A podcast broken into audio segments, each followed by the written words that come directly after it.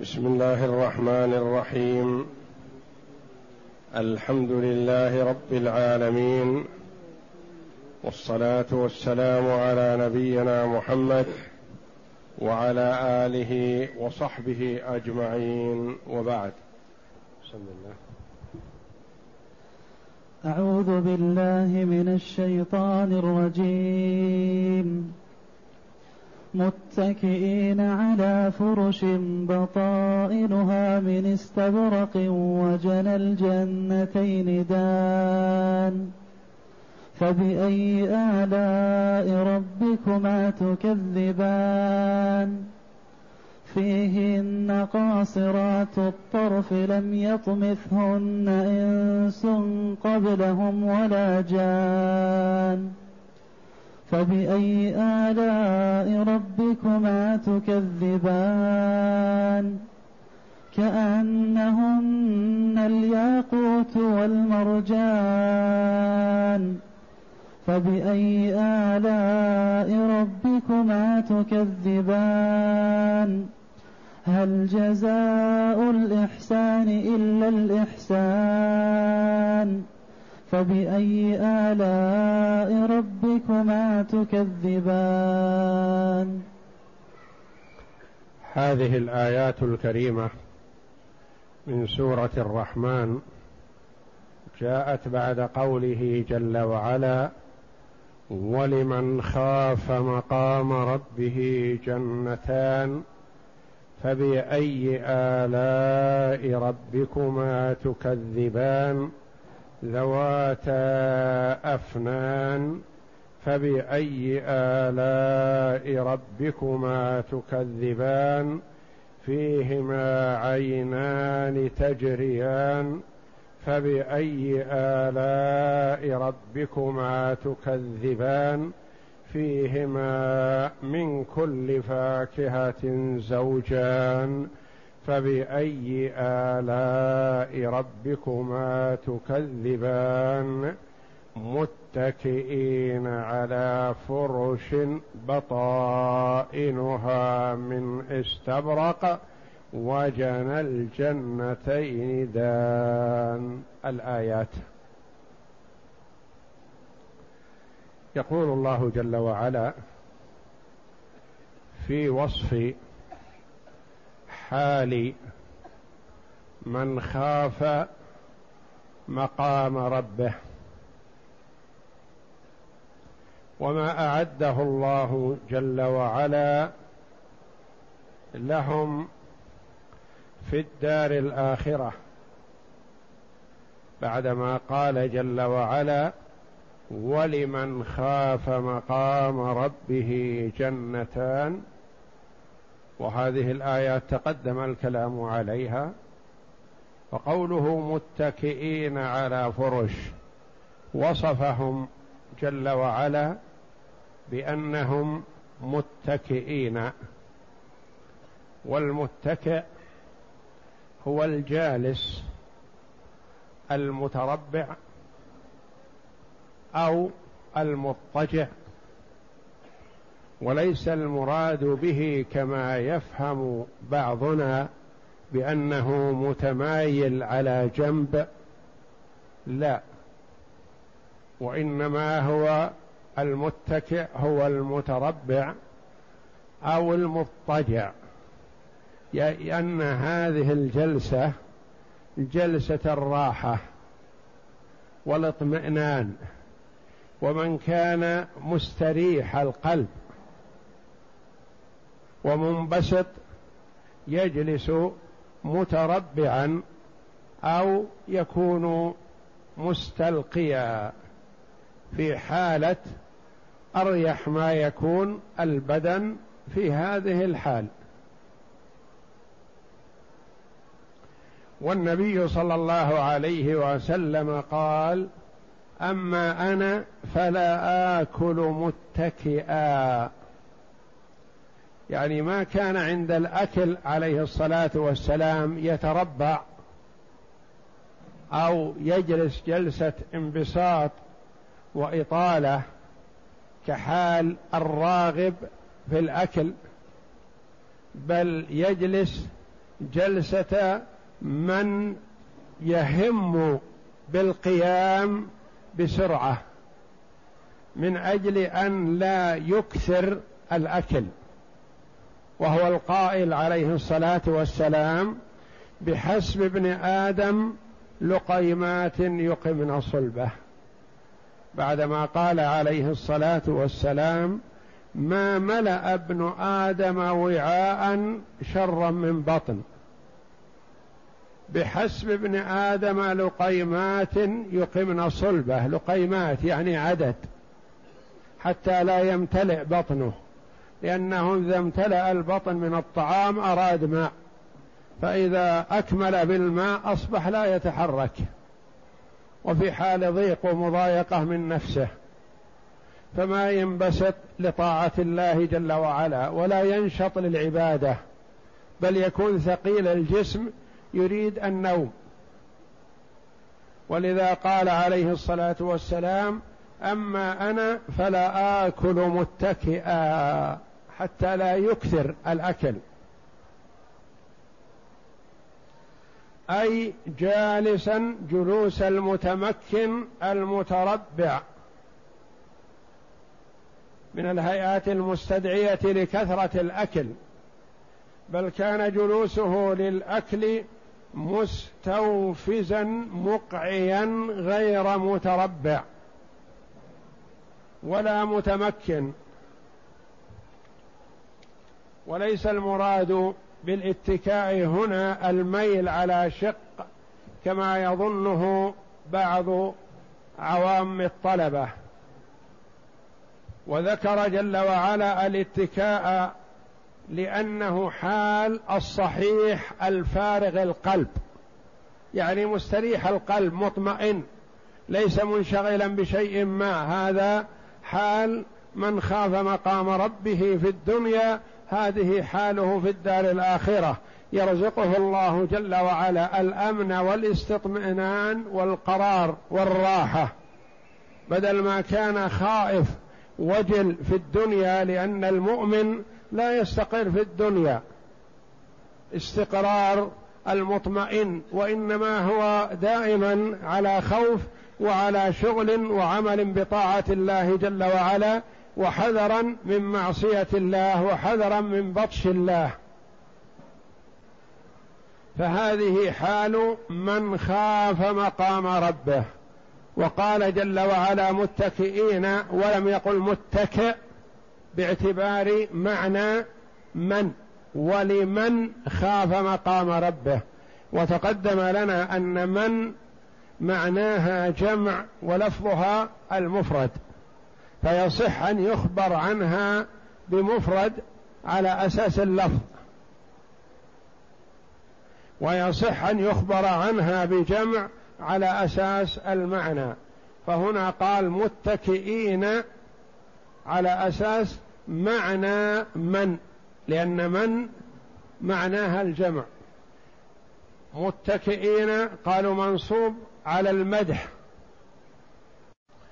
أي يتنعمون حالة كونهم متكئين يتنعمون متكئين أي مضطجعين أو متربعين. على فرش بطائنها من استبرق. على فرش. فرش جمع فراش. ويصح فيها فرش وفرش. والبطائن هي التي تلي الأرض. بطانة هذا الفراش كذا وظاهره كذا. البطائن التي تلي الأرض والتي لا يهتم لها الناس كثيرا من استبرق. والإستبرق هو ما غلظ ومتن من الديباج. وإذا كانت البطائن من استبراق فكيف تكون الظهائر؟ يعني التي يجلس عليها مباشرة ماذا تكون؟ إذا كانت البطائن التي تلي الأرض من استبرق من أحسن الديباج فما بالك في الظهائر؟ قيل لسعيد بن جبير رحمه الله البطائن من استبرق فما الظواهر؟ قال هذا مما قال الله جل وعلا عنه فلا تعلم نفس ما أخفي لهم من قرة أعين. يقول الظواهر لا يعلم حقيقتها ولا يعلمها إلا الله. ما دام هذه البطائن بهذا الشكل وبهذا القيمة والجمال فالظهائر التي تلي الجلوس يجلس عليها هذه مما قال الله جل وعلا عنها فلا تعلم نفس ما أخفي لهم من قرة أعين. ما يحاط بها. والله جل وعلا كما قال النبي صلى الله عليه وسلم في الحديث القدسي يقول الله أعددت لعبادي الصالحين ما لا عين رأت ولا أذن سمعت ولا خطر على قلب بشر. ما يخطر على البال حد النعيم الذي أعده الله جل وعلا لأوليائه. ما يخطر على البال. كما أنه لا يخطر على البال ما أعده الله جل وعلا من العذاب الأليم لمن عصاه وخالف أمره. كل هذا لا هذا ولا هذا. لا هذا لا يدرك مستوى النعيم الذي فيه إلا من دخله. وذاك والعياذ بالله لا يدرك حد العذاب الذي أعده الله إلا من دخله. قال الله فيه فلا تعلم نفس ما أخفي لهم من قرة أعين وبه أي بهذا القول قال ابن عباس رضي الله عنهما. قيل إنما اقتصر على ذكر البطائن لأنه لم يكن أحد في الأرض يعرف ما في الظهائر. يعني الظهائر ما يدركها أهل الأرض وإلا فالله جل وعلا يعلمها. لكن أهل أهل الأرض مستوى إدراكهم ما يدركون ما أعده الله جل وعلا في الفراش في الظاهر. وقال الحسن بطائنها من استبرق وظاهرها من نور جامد. وقال الحسن أيضا البطائن هي الظهائر وبه قال الفراء. وقال قد تكون البطانة الظهارة والظهارة البطانة لأن كل واحد منهما يكون وجها يعني قد يكون البطانة هي الظهارة والظهارة هي البطانة. والعرب تقول هذا ظهر السماء وهذا بطن السماء للإشارة إلى السماء يعني نفس الظهارة هي البطانة. هذا قول لجمع من المفسرين. وهذا بطن السماء لظاهرها الذي نراه لكن أنكر هذا بعض العلماء وقال هذا لا يصح إلا في شيء بين اثنين متساويين. يكون الظهر هو البطن والبطن هو الظهر شيء بين اثنين متساويين. مثال ذلك مثلا جدار بينك وبين جارك. أنت تقول هذا بطن الجدار. وأين ظهره؟ تقول ظهره اللي عند جاري.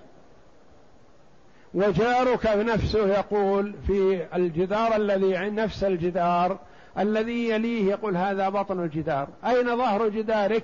يقول ذاك اللي عند جاري.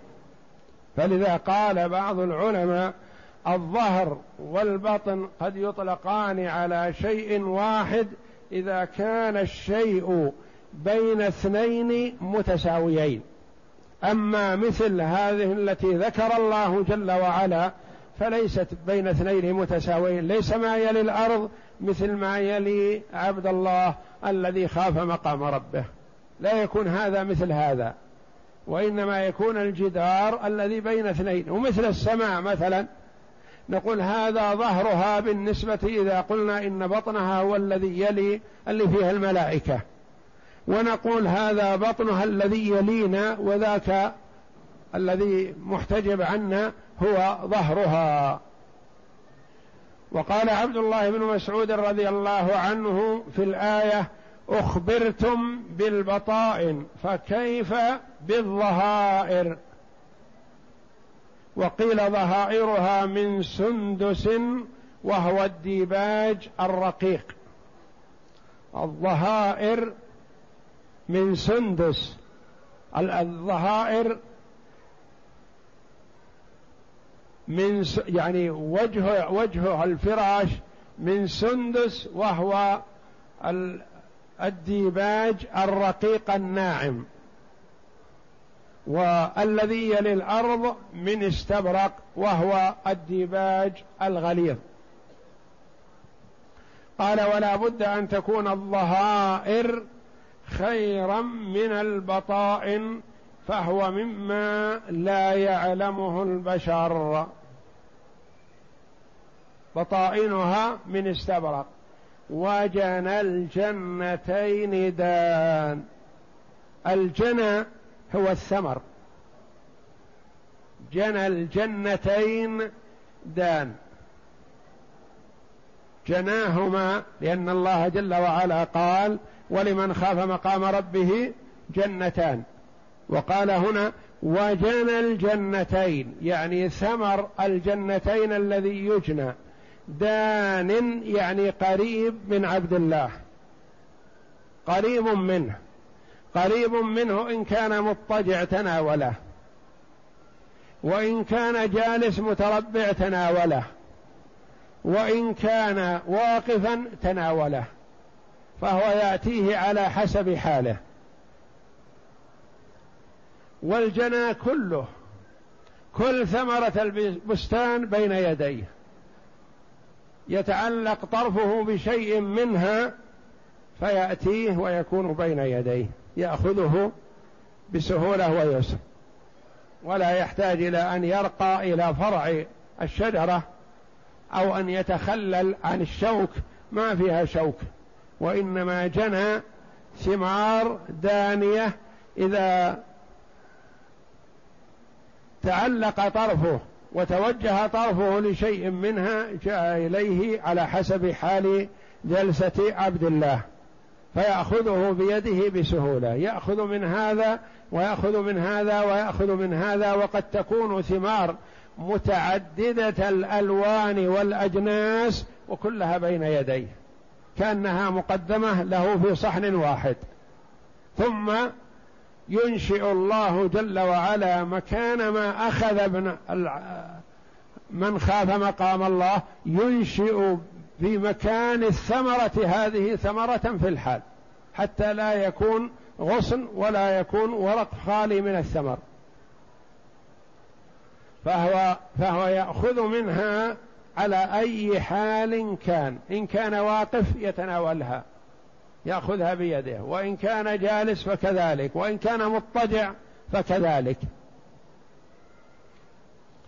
قال ابن عباس رضي الله عنهما جناها ثمرها والداني القريب منك أي يناله القائم والقاعد والمتكئ والنائم. وهذا بخلاف ثمر الدنيا. فإنها لا تنال إلا بكد وتعب وقيل لا يرد أيديهم عنها لا يرد أيديهم عنها بعد ولا شوك. يعني يأخذه المرء بسهولة ويسر. قال الرازي جنة الآخرة مخالفة لجنة الدنيا من ثلاثة وجوه. أحدها أن الثمرة على رؤوس الشجر في الدنيا بعيدة عن الإنسان المتكئ وفي الجنة يتكئ والثمرة تتدلى إليه تأتيه على أي حال هو فيه. بخلاف ثمر الدنيا فهي في, في أعلى الشجرة. وثانيهما أن الإنسان في الدنيا يسعى إلى الثمرة ويتحرك إليها. يسعى يعمل من أجل أن يصل إليها. لا بد أن يأتي بسلم أو مصعد أو شيء يتناول فيه الثمرة. وفي الآخرة تدنو منه وتدور حوله. الثمرة نفسها تأتي إليه وهو على حالته. وثالثها أن الإنسان في الدنيا إذا قرب من ثمرة شجرة بعد عن غيرها. الشجر والثمار كثيرة مثلا في الدنيا إذا اتجه إلى هذه الشجرة بعد عن الشجرة الأخرى. وإذا اتجه إلى الشجرة الأخرى ابتعد عن الأولى وهكذا. هذه حال الدنيا. وأما في الآخرة وثمار الجنة كلها تدنو إليه في وقت واحد ومكان واحد. إذا تعلق نظره بشيء منها جاءته مجموعة وليست واحدة بل كل ما خطر على باله وأراده جاء بين يديه. فتأتي بين يديه مجموعة ثمار من أشجار متعددة. ونعيم الآخرة لا يتصوره المؤمن في الدنيا أبدا ما يستطيع أن يدركه. ثم قال الله جل وعلا فبأي آلاء ربكما تكذبان؟ هذه النعم العظيمة. بماذا تكذبون؟ هل شيء منها يقبل التكذيب؟ ما تصدق بما أعد الله لك في الآخرة؟ فيهن قاصرات الطرف. اقرأ. يقول تعالى متكئين يعني أهل الجنة والمراد بالاتكاء ها هنا الاضطجاع ويقال الجلوس على صفة التربع على فرش بطائنها من استبرق وهو ما غلظ من الديباج. قال أبو عمران الجوني هو الديباج المغرى بالذهب. فنبه على شرف الظهارة بشرف البطانة وهذا من التنبيه بالأدنى عن الأعلى. وقال أبو إسحاق عن عبد الله بن مسعود قال هذه البطائن فكيف لو رأيتم الظواهر؟ وقال مالك بن دينار بطائنها من استبرق وظواهرها من نور. وقال سفيان الثوري بطائنها من استبرق وظواهرها من نور جامد. وقال القاسم بن محمد بطائنها من استبرق وظواهرها من الرحمة. وجنى الجنتين دان أي ثمرها قريب إليهم متى شاءوا تناولوه على أي صفة كانوا كما قال قطوفها دانية.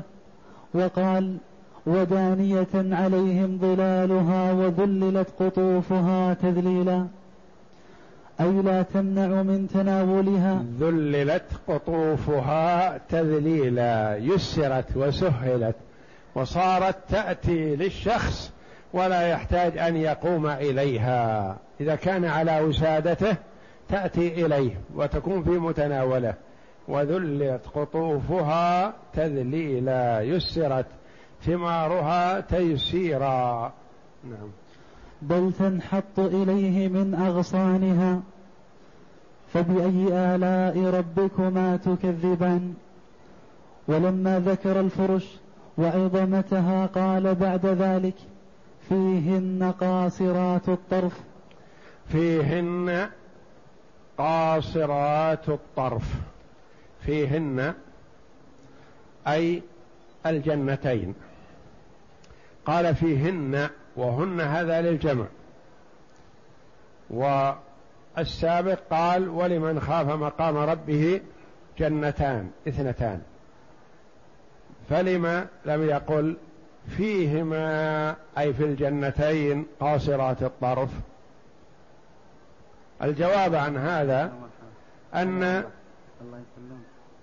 أنه قال كثير من العلماء أقل الجمع اثنان. فالجمع يعني الاثنان يقال يعبر عنهما بالجمع. كما في قوله جل وعلا إن تتوبا إلى الله فقد صغت قلوبكما. صغت قلوب على قلوب. وهما اثنتان حفصة وعائشة رضي الله عنهما. و قال قلوب. إن تتوبا إلى الله فقد صغت قلوبكما. قالوا أقل الجمع اثنان. هذا قول. القول الآخر أن قوله جل وعلا فيهن بلفظ الجمع أن الجنتين منازل متعددة وليستا منزلتين فقط بل هي منازل كثيرة. ومتعددة. ف فلذا قال فيهن يعني في منازل الجنتين. فيهن قاصرات الطرف. قاصرات الطرف التي قصرت طرفها على زوجها. لا ترى في الجنة أحسن منه. وهو لا يرى في الجنة أحسن منها. فهي قصرت طرفها على زوجها. ما ترى غيره ولا تتطلع إلى غيره أبدا. ولا تقارن بينه وبين غيره. عندها أنه هو أحسن شيء وأكمله. أي قصرت طرفها ونظرها على زوجها في الجنة. قاصرات الطرف. قل والآية دلت على الحياء لأن الطرف حركة الجفن والحبيبة والحيية لا تحرك جفنها ولا ترفع رأسها. قاصرات الطرف عن غير أزواجهن. قاصرات الطرف. يقول الفخر الرازي رحمه الله وانظر إلى حسن هذا الترتيب في النسق المذكور فيما أعده الله جل وعلا لمن خاف مقام ربه في الجنة. فإنه بين اولا المسكن وهو الجنة. ثم بين ما يتنزه به وهو البستان والعيون الجارية. ثم ذكر المأكول وجنى الجنتين ذان. ثم ذكر موضع الراحة بعد الأكل وهو الفرش. ثم ذكر ما يكون في الفراش معه. لم يطمثهن إنس قبلهم ولا جان. وصف الله جل وعلا هذه الزوجات بهذه الصفة قاصرات الطرف. لم يطمثهن إنس قبلهم ولا جان. الضمير راجع في قوله قبلهم إلى الأزواج. المدلول عليه بقاصرات الطرف لأن قاصرات الطرف زوجات والزوجات لهن أزواج والأزواج ما تقدم ذكره قريب لم يطمثهن إنس قبلهم. قبل من؟ مفهوم من السياق أن المراد به الأزواج. وقيل قبلهم يعود إلى المتكئين لم يطمثهن إنس قبلهم ولا جان. الطمث ما هو؟ قيل فيه أقوال. الطمث هو الافتضاض افتضاض الأبكار. وهو النكاح أي الجماع بالتدمية بخروج دم البكارة. هذا الطمث. الجماع بخروج دم البكارة. يقال طمثت الجارية إذا افترعتها يعني اعتليتها. وقيل الطمث المس يعني لم يمسهن. أي لم يمسسهن. قاله أبو عمرو وقال المبرد أي لم يذللهن والطمث التذليل. دفعن إلي ولم يطمثهن قبلي وهن أصح من بيض النعام. وقيل الطمث الجماع المؤدي إلى خروج دم البكارة ثم أطلق على كل جماع طمث والنساء في الجنة كلما أتاها زوجها وجدها بكرا. لا يؤثر عليها الجماع بل تعود بكرا كما كانت. وقيل الطمث دم الحيض. أو دم الجماع. قال المفسرون لم يطأهن ولم يغشهن ولم يجامعهن قبلهم أحد. يعني ما مسها أحد قبل زوجها.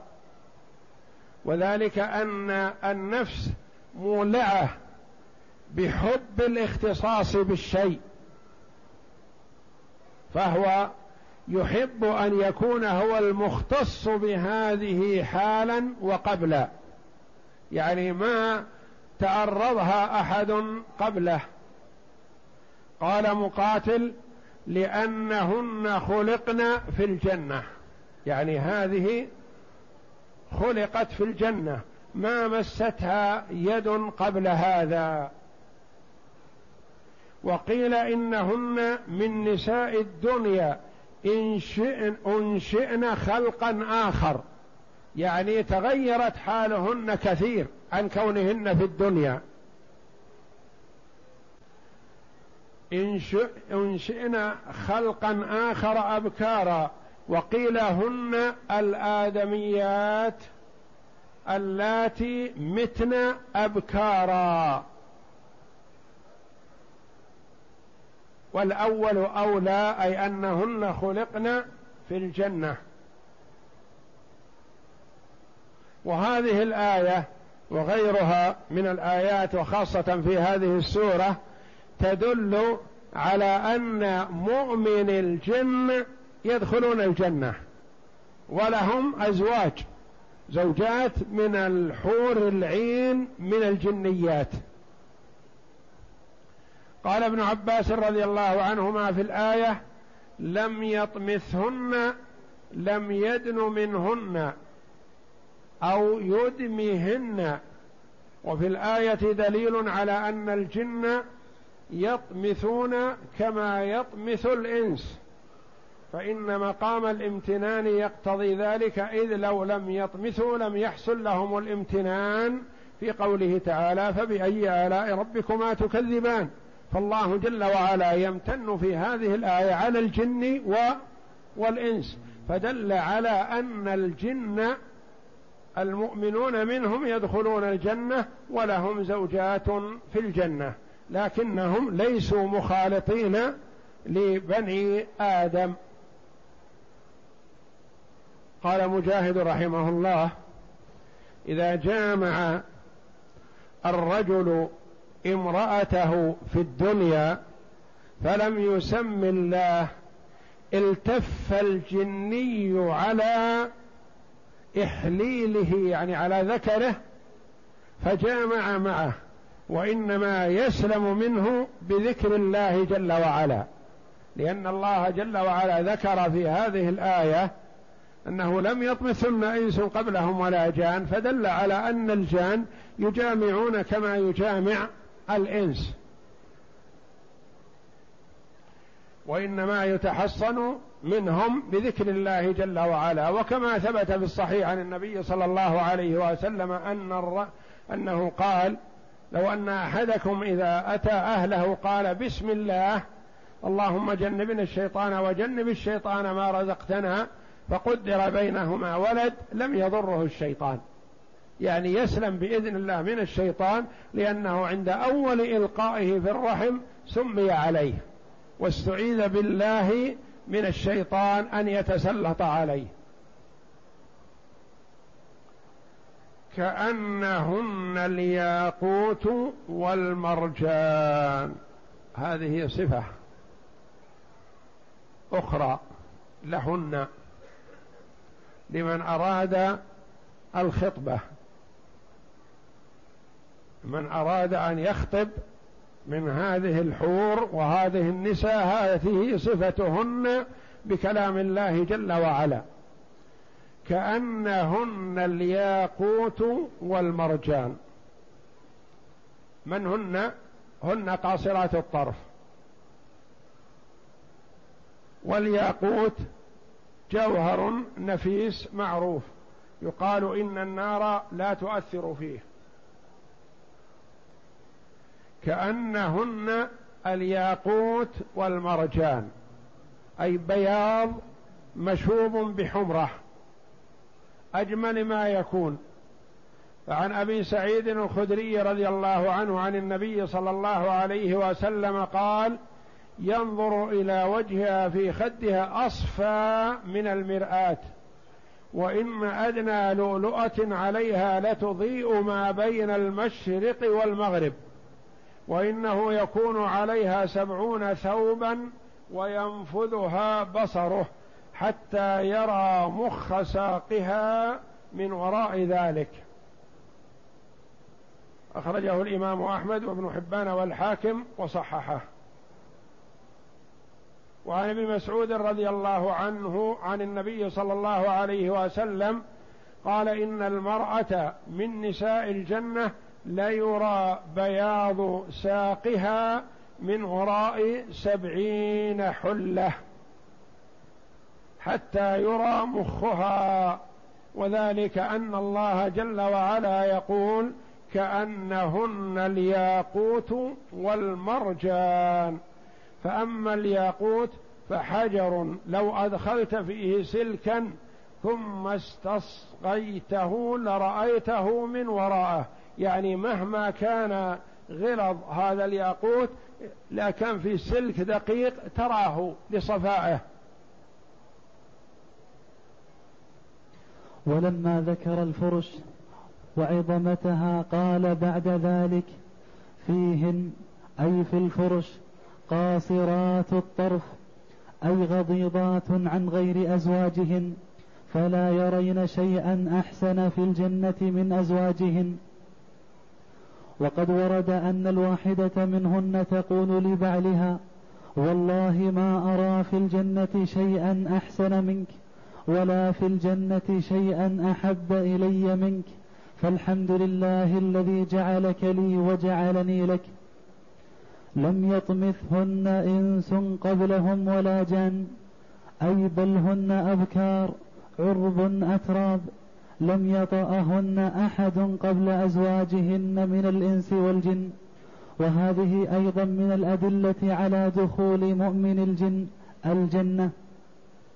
قال أرطأة بن المنذر سأل ضمرة بن حبيب هل يدخل الجن الجنة؟ قال نعم وينكحون.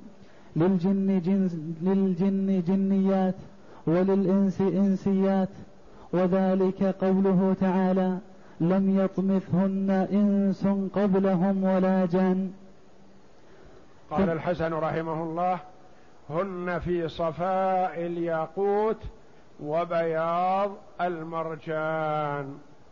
فبأي آلاء ربكما تكذبان؟ بأي نعمة من هذه النعم والآلاء العظيمة تكذبون أيها الجن والإنس؟ ثم قال جل وعلا هل جزاء الإحسان إلا الإحسان؟ هل هنا هي في اللغة ترد على أربعة أوجه. هل تكون بمعنى قد للتحقيق كما في قوله تعالى هل أتى على الإنسان حين من الدهر لم يكن شيئا مذكورا. يعني بمعنى قد قد أتى على الإنسان. وبمعنى الاستفهام كما في قول أهل الجنة لأهل النار فهل وجدتم ما وعد ربكم حقا؟ وتقول مثلا هل قام زيد؟ استفهام. وبمعنى الأمر كقوله جل وعلا فهل أنتم منتهون؟ يعني انتهوا يكفي. وبمعنى الجحد كقوله فهل على الرسل إلا البلاغ المبين؟ يعني ما على الرسل إلا البلاغ المبين. وكما في هذه الآية هل جزاء الإحسان إلا الإحسان؟ يعني ما جزاء الإحسان إلا الإحسان. والجملة مقررة لمضمون ما قبلها لأن ما قبلها تضمن ما أعده الله جل وعلا لأوليائه. فيقول جل وعلا هل جزاء الإحسان إلا الإحسان؟ ما جزاء من أحسن العمل في الدنيا إلا الإحسان إليه في الآخرة. كذا قال ابن زيد وغيره. وقيل هل جزاء من أحسنت إليه في الأزل إلا حفظ الإحسان عليه في الأبد؟ وذلك أن الله جل وعلا أحسن وتفضل في الأزل على من أراد الله له الهداية فهداه أن الله جل وعلا يديم عليه هذا الإحسان ويستمر. قال الرازي في هذه الآية وجوه كثيرة. حتى قيل إن في القرآن ثلاث آيات في كل واحدة منها مائه قول وكلها على نمط واحد. إحداها قوله تعالى فاذكروني أذكركم وثانيها قوله تعالى وإن عدتم عدنا وثالثها قوله هل جزاء الإحسان إلا الإحسان؟ أي أنه إذا وجد كذا فكذا. قال محمد بن الحنفية هي للبر والفاجر. يعني هذه الآية هل جزاء الإحسان إلا الإحسان؟ للبر والفاجر. ومحمد بن الحنفية رحمه الله هو محمد بن علي بن أبي طالب. هو أخ للحسن والحسين لكنه من غير فاطمة. ولهذا يسميه العلماء محمد بن الحنفية معروف أنه ابن علي بن أبي طالب لكن ليس من أولاد فاطمة رضي الله عنها وهو لم يدرك النبي صلى الله عليه وسلم لأن علي رضي الله عنه ما تزوج إلا بعد وفاة فاطمة وفاطمة رضي الله عنها توفيت بعد النبي صلى الله عليه وسلم بستة أشهر. فعن ابن عمر رضي الله عنهما قال قال رسول الله صلى الله عليه وسلم في الآية ما جزاء من أنعمت عليه بالتوحيد إلا الجنة. وأخرج البغوي في تفسيره وغيره عن أنس مرفوعا مثله وعن جابر مرفوعا في الآية قال هل جزاء من أنعمنا عليه بالإسلام إلا أن أدخله الجنة واخرج إلا أن ادخله, أدخله الجنة وأخرج ابن النجار عن علي رضي الله عنه مثله مرفوعا مثل حديث ابن عمر. وقال ابن عباس رضي الله عنهما هل جزاء من قال لا إله إلا الله في الدنيا إلا الجنة في الآخرة؟ وقول محمد بن حنفية رحمه الله هي للبر والفاجر. قال البر في الآخرة والفاجر في الدنيا. أي أن من أحسن في الدنيا حتى وإن كان كافر فالله جل وعلا لا يضيع إحسانه. يثيبه عليه لكن ثواب في الدنيا. فالمؤمن إذا أحسن في الدنيا أحسن الله إليه في الدنيا والآخرة. والكافر إذا أحسن في الدنيا أثابه الله جل وعلا على إحسانه في الدنيا فقط لأنه لم يؤمن بالله فلا يثيبه في الآخرة وإنما ثوابه في الدنيا فقط. بالصحة والعافية والرزق والجاه والمال والولد ونحو ذلك. كما قال الشاعر لا يذهب العرف بين الله والناس. وفي هذه الآية قالوا دلالة على رفع التكاليف في الجنة. يعني أن المؤمن في الجنة لا يكلف بشيء. لأنه استقر على إحسان لا ينزع عنه. ولو كلف لربما قصر في شيء فأخذ منه. والجنة من دخلها استقر فيها ولا يؤخذ مما أعطي شيء. فبأي آلاء ربكما تكذبان؟ بأي هذه النعم تكذبون أيها الإنس والجن؟ هل جزاء الإحسان إلا الإحسان؟ أي ما لمن أحسن في الدنيا العمل إلا الإحسان إليه في الدار الآخرة كما قال تعالى للذين أحسنوا الحسنى وزيادة. وقال البغوي عن أنس بن مالك الذين أحسنوا الحسنى وزيادة. الذين أحسنوا في الدنيا لهم الحسنى في الآخرة وهي الجنة. وزيادة وهي النظر إلى وجه الله الكريم كما ورد تفسير ذلك في الأحاديث الصحيحة.